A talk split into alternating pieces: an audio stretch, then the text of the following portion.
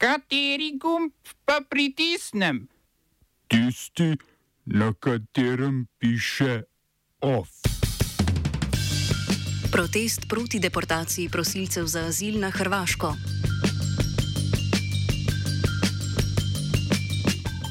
Vlada sprejela predlog novele zakona o duševnem zdravju.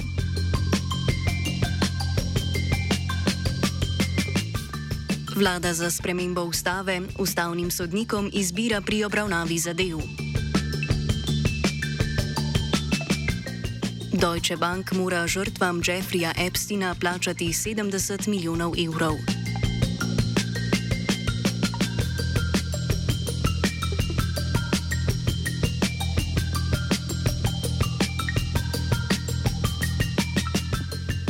Po sodbi Zvezdnega okrožnega sodišča v New Yorku mora Deutsche Bank žrtvam Jeffrija Epsteina plačati 70 milijonov evrov. Sodišče je razsodilo, da je banka vedela za Epsteinov krug za trgovanje z ljudmi in od tega zavestno profitirala. Predstavnik banke Frank Hartmann sodbe ni komentiral, je pa izpostavil izjavo banke iz leta 2020, v kateri so priznali svojo napako pri sodelovanju z Epsteinom. Epstein je leta 2019 umrl v zaporu, uradno zaradi samomora, medtem ko je čakal na sojenje za spolno zlorabo več mladoletnih deklet. Njegov primer je osvetlil krok za trgovanje z ljudmi za spolne storitve, v katerega je bilo domnevno upleteno večje število vplivnih posameznikov.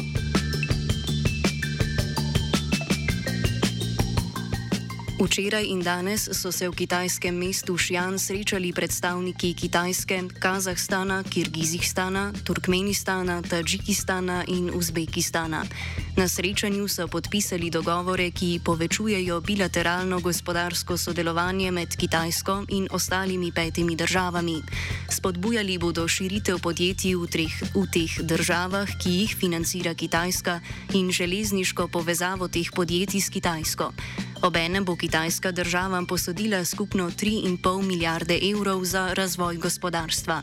Kitajski predsednik Xi Jinping je napovedal tudi povečano sodelovanje držav pri trgovini z nafto in zemljskim plinom.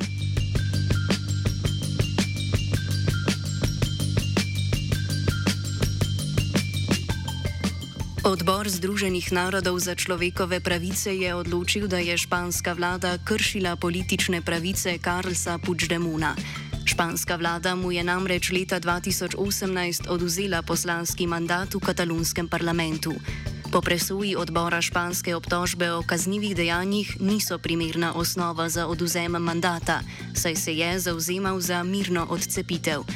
S tem je španska vlada, tedaj pod vodstvom konzervativne ljudske stranke, kršila 25. člen mednarodnega sporazuma o človekovih in političnih pravicah, katerega podpisnica je tudi Španija. Po tem členu, po mnenju odbora Združenih narodov, niso kršili le Puigdemonovih pravic, temveč tudi pravice njegovih voljivcev. Odbor je španski vladi postavil 180-dnevni rok za izplačilo odškodnine politiku, ki živi v Belgiji, in poročanje o sprejetih ukrepih. A hkrati je odbor določil, da je njegova sodba dovoljšna odškodnina in tako španska vlada Puigdemonu ni dolžna ničesar, prav tako vladi politiku ne bo treba vrniti mandata.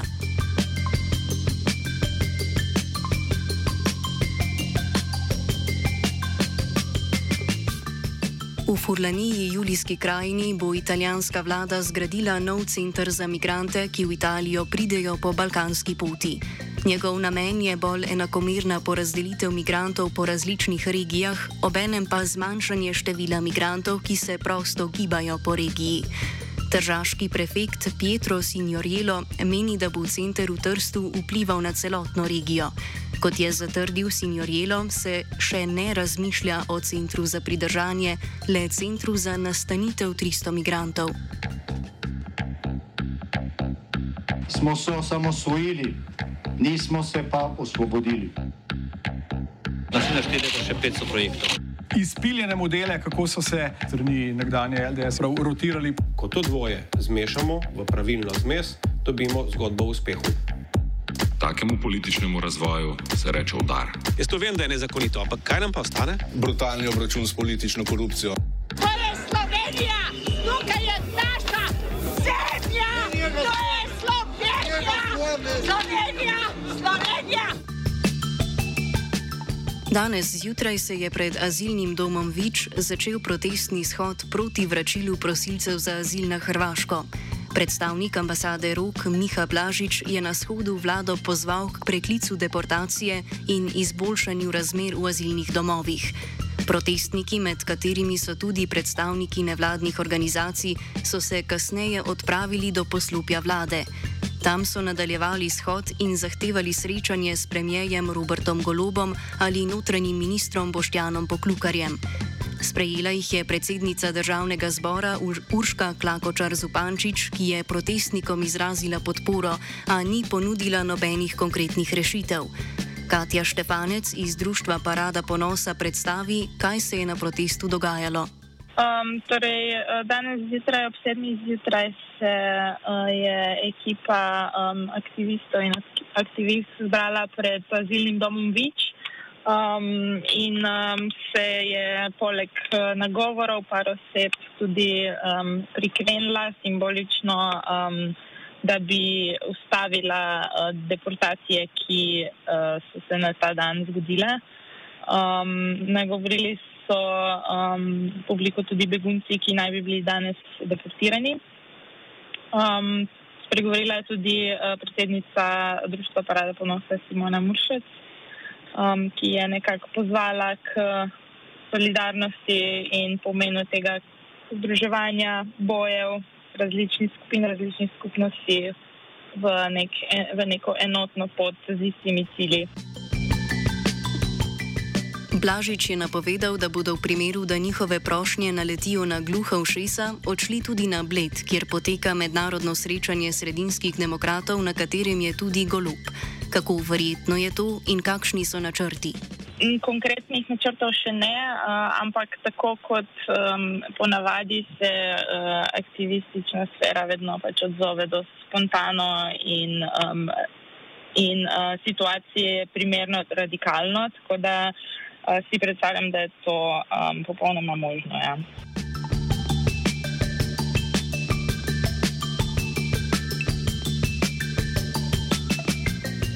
Po poročanju mladine je slovenski državni holding ta mesec sprejel dokument priporočila za pričakovanja SDH, po katerem si bodo menedžerji vseh podjetjih, v katerih ima država delež, lahko dvignili plače za 10 odstotkov. Poleg tega jim dokument dovoljuje uporabo dražjih službenih avtomobilov in udeležbo na dražjih izobraževanjih. Prav tako so v priporočilih predvideli zvišanje sejnih nadzornikov. To upravičujejo z inflacijo. Člana uprave slovenskega državnega holdinga Žiga Debeljak in Janez Tomšič sta se sicer po javnem odzivu koalicijskih strank odpovedala zvišanju svojih plač.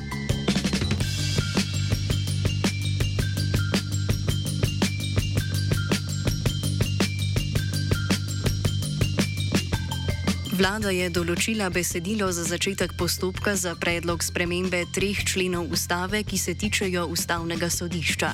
S predlogom bi uvedli diskrecijsko pravico ustavnega sodišča pri izbiri zadev, ki jih bodo sodniki obravnavali. Pravosodna ministrica Dominika Švarc-Pipan meni, da bodo s tem zagotovili hitrejše delovanje ustavnega sodišča. Pri tem pa povdarja tudi, da ne gre za popolnoma prosto izbiro sodnikov, temveč le za uvedbo varovalk. Ko bodo odločali o obravnavi, bodo tako morali pretehtati sistemsko pomembnost zadeve in težo zatrjevanih kršitev človekovih pravic. Odločitev o obravnavi pa bo lahko sprejela že manjšina sodnikov, torej trije. Vlada predvideva tudi prihodnjo možnost prenosa pristojnosti ustavnega sodišča na druga sodišča z dvotretinsko večino prisotnih v državnem zboru.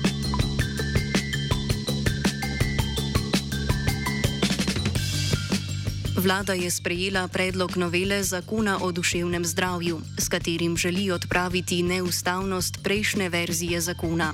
Ustavno sodišče je namreč dosodilo, da zakon krši ustavni načeli varstva osebne svobode in varstva človekove osebnosti in dostojanstva. Predlog se dotika predvsem prisilne hospitalizacije oseb z duševnimi stiskami ali motnjami, ki po zdajšnji ureditvi posega v osebno svobodo posameznikov. Spreminjajo tudi postopek za sprejem na varovani oddelek, ki je zdaj krajši.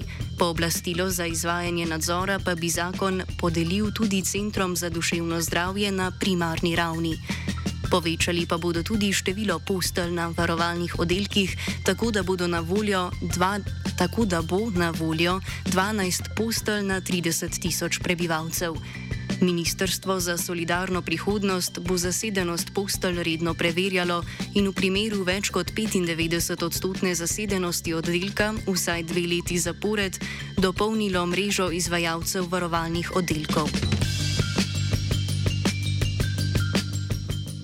Petrol je proti državi uložil tožbo, v kateri zahtevajo povrnitev več kot 100 milijonov evrov škode. To škodo naj bi povzročilo lansko reguliranje cen naftnih derivatov, ko so njihove maloprodajne cene večkrat padle pod nabavne. Vlada je aprila zavrnila Petrolov predlog za mirno rešitev spora.